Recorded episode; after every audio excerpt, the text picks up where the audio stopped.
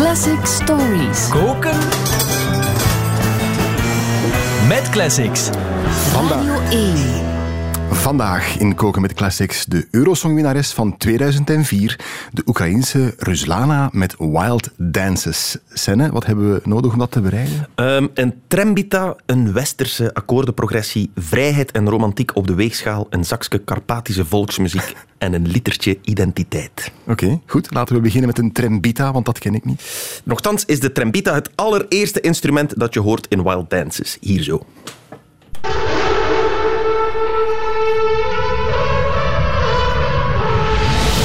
Oké. Voilà. Hierna beginnen dan de drums en de violen en zo. Maar dus dat horenachtig geluid in het begin dat je hoort, dat is gespeeld op een trembita, een blaasinstrument, een soort houten alpenhoorn, gemaakt uit sparrenhout, tot drie meter lang. Het ziet er heel indrukwekkend uit. Vandaar ook dat ze in de live performance op Eurosong zo met vier man in een cirkel op vier trembitas aan het blazen zijn. Het is een instrument uit de Hutsul-cultuur. Eh, mensen die in de Karpatische bergen leven, op de grens tussen Roemenië en Oekraïne. Ja. En zij gebruikten het oorspronkelijk als een soort telefoon avant la lettre. Het geluid kon in de bergen tot 10 kilometer eh, ver dragen. En aan de hand van bepaalde songs of thema's werd dan een overlijden, een geboorte, een gevaar afgekondigd. Of in het geval van Ruslana dus, in een hedendaagse context, een winnend Eurosong-nummer. Hoera! Goed gedaan van eh, Ruslana. Voilà. Ja, dat probeer ik daar dan in te horen. Hè. Ja, dat is het ongeveer, denk ik. Ja. Dan een eh, westerse akkoordenprogressie. Ja, dus hoewel er naast die trembita ook nog wel andere traditionele elementen in wild dances zitten, klinkt het onderliggende harmonie in het begin toch behoorlijk vertrouwd als westerse popmuziek.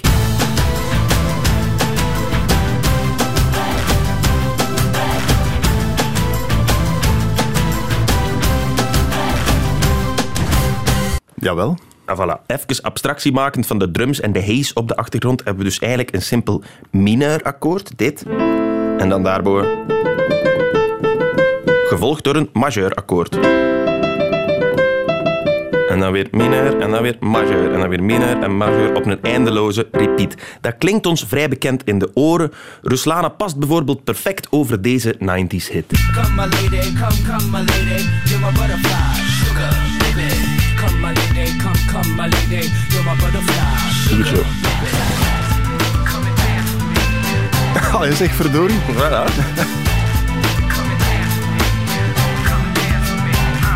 Maar het is een beetje te snel, maar het gaat er wel over. Iets minder bekend, maar om het eens in een ander genre te zoeken. Het nummer I Only Want You van de Eagles of Death Metal wordt ook aanzienlijk plezanter met een snuifje Ruslana over.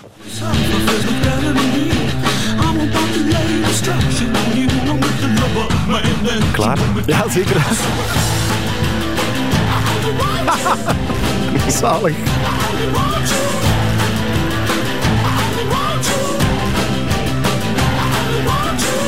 Goed gedaan. Voilà, om maar te zeggen, de akkoorden van Wild Dances zijn op zich niet zo heel wild. Ze zijn redelijk conventioneel. Ja, ik ga verder in je ingrediënten. We zaten aan eh, vrijheid en romantiek op de weegschaal. Ja, vanaf 1999 waren de deelnemers aan Eurosong niet langer verplicht om in hun eigen officiële landstaal te zingen. Het gevolg was dat de winnende songs van 1999 tot 2003 allemaal Engelstalig waren.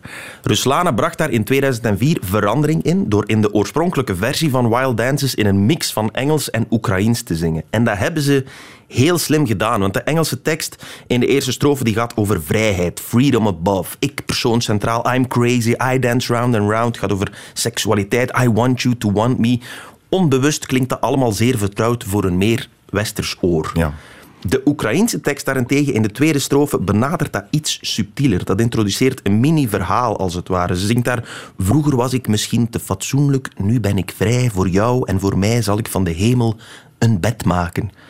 Plots wordt dat een beetje romantischer. Hè? Het zit over eh, het verleden en de natuur. Dus ze gooit eigenlijk romantiek in de weegschaal samen met die vrijheid. En op die manier spreekt ze in één lied tegen een heel divers publiek met heel verschillende achtergronden. En dat is iets voor iets als Eurovisie Song heel slim bekeken Ja, natuurlijk. natuurlijk. En voor wie zich afvraagt wat dit in het Oekraïens betekent...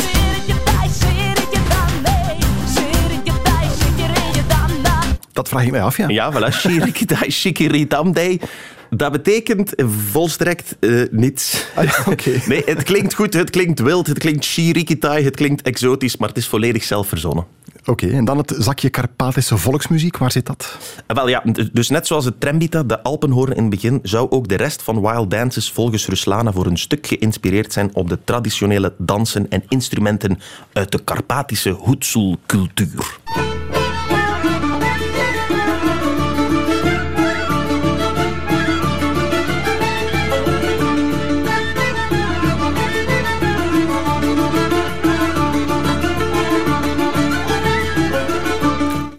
Minstens even feestelijk als eh, Ruslana eigenlijk. Ja, misschien zelfs nog feestelijker. Hè? Kunt u wel een beetje voorstellen, dit is blijkbaar de arkan, een hoedseldans. En inderdaad, de basis hier, dat zijn ook violen en drums. Dus dat heeft Ruslana min of meer overgenomen.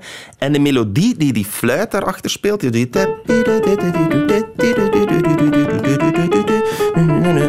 Dat is de zogenaamde Oekraïens-Dorische modus. Nu, we gaan niet Ik wou net zeggen, we gaan eh, de theorie in.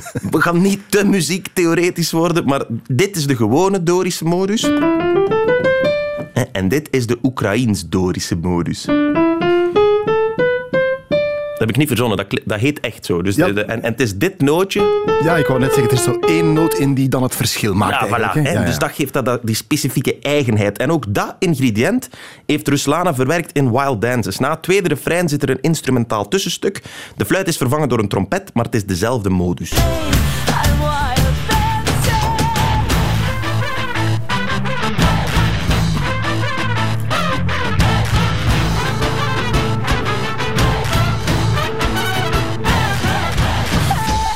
Dit hier.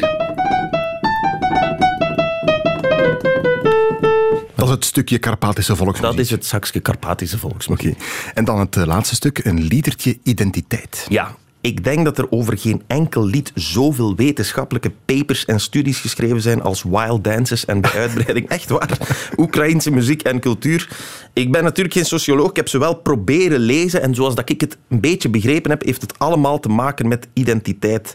Sinds de onafhankelijkheid van de Sovjet-Unie in 1991 heeft Oekraïne eigenlijk op allerlei manieren zijn bestaansrecht willen en moeten opeisen. Ja. Zijn eigenheid op het kruispunt tussen Oost en West moeten zoeken. En daarvoor is het dus onder andere gaan graven en gaan zoeken in tradities uit het verleden.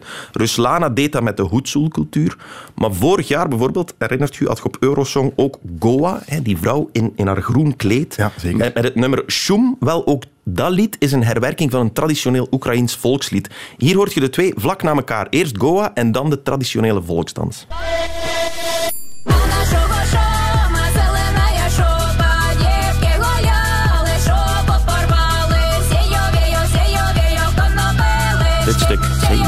veyo, zeyo, veyo. Зеленесеньким. Сійовію, сійовію, конопелишки, сійовію, сійовію, невеличі. Ja, inderdaad. Het is een herwerking van een traditioneel lied, of om het ook eens in een andere sfeer dan Eurosong te zoeken, een van de bekendste Oekraïense popgroepen op dit moment is Daka Braka.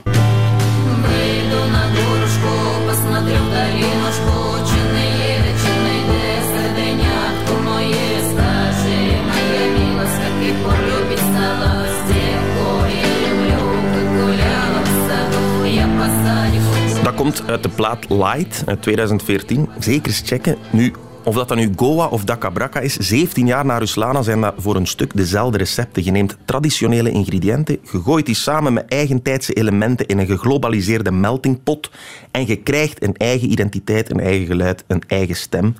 En in Oekraïne is dat dus ergens in 2004 begonnen met Wild Dances. En de ongelooflijke kracht van muziek is toch dat het dat soort gevoelens en die samenhorigheid kan oproepen. Dus ik zou zeggen, overal nu, volume op 11, Dyna Dyna, Freedom Above. Ruslana Senneguns, bedankt.